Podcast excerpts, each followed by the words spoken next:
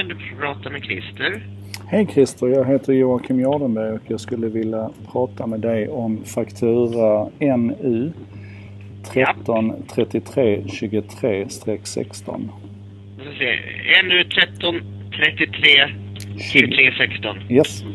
Då ska vi se här vad vi får upp. Eh, Bostadsrättsföreningen Skansen får jag upp där. Stämmer bra det. Du har haft Så kontakt innan ja. med vår ordförande Shirley, Shirley Olsson som bor i, i föreningen och nu har jag tagit över ärendet. Eh, Okej. Vi har bestridit det här ärendet och eh, i det senaste, i det senaste eh, korrespondensen mellan oss och er med någon som heter Ja. Jonas Karlsson hos er.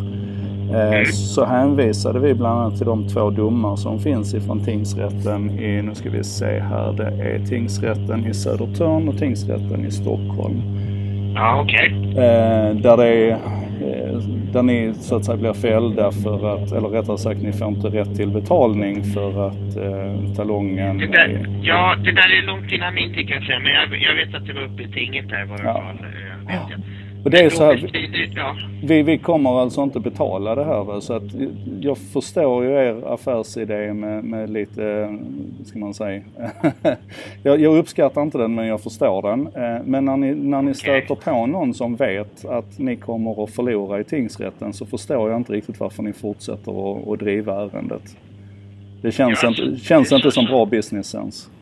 Nej, alltså det, det kan man såklart äh, tycka då. Men, men det där var ju ett annat case såklart. Det var ju ett annat erbjudande och, det var någonting som såg helt annorlunda ut. Men oavsett så bestrider ju du nu här. Så jag tycker jättebra att du även eh, ringer och gör det också då. Så att då, då skriver jag helt enkelt här i anteckningen att du vidhåller bestridandet eh, och även hänvisar till de tidigare domarna här då. Så att, eh, ja, så att det, är väl ungefär det läget nu då. Så att det, då, då vet vi det i varje fall. Och jag ser att du även har bestridit tidigare här. Så allting Precis. är registrerat. Ja.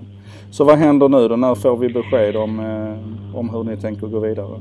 Eh, det är lite svårt att säga, men eh, det, alltså det här är ju inte riktigt jag som tar beslut eh, huruvida det ska gå vidare. Generellt sett så är det ju så att eh, har man bestridit eh, så det kommer ju inte gå till Kronofogden, eh, kommer det inte göra. Det kan eventuellt däremot gå till ett eh, inkasso eh, att det blir ett inkassoärende och det, om man bedömer det så att säga att, eh, att bestridandet inte eh, har någon grund så att säga. Men fortfarande är det så att det kommer ju inte bli eh, något, något eh, ansökan om eh, betalningsföreläggande som det heter då hos Kronofogdemyndigheten. Men eh, man ska ju veta det att går det till inkasso så, så kom tilläggs, alltså då, då kommer eh, avgifter extra så att säga och eventuellt i slutändan så kan det ju då i, återigen hamna i tingsrätten för en prövning då, så det ska man ju veta. Men, Ja, ja absolut. Det är, Ja. Det, är, jag- det är jag fullt medveten om. Men jag vill bara att du Ja. ska vara helt övertygad om att vi kommer inte att betala oavsett om det går till inkasso eller om det blir ett, ett betalningsförläggande hos Kronofogde. För att vi kommer att driva det här hela vägen. Det, är, det finns liksom inte en skugga av Okej. tvivel. Ja, nej men då ska vi vidhålla det såklart här. Men, men det är i varje fall det, den, den eventuella utgången då helt enkelt att det prövning. Det ser jag som ganska osannolikt. Men ändå, det, det, som sagt att man kan veta det. Men ja, bra att du ringde i varje fall då, så då, då vet vi läget. Okej, toppen. Tack så mycket. Ingen fara, tack hej. Tack, hej.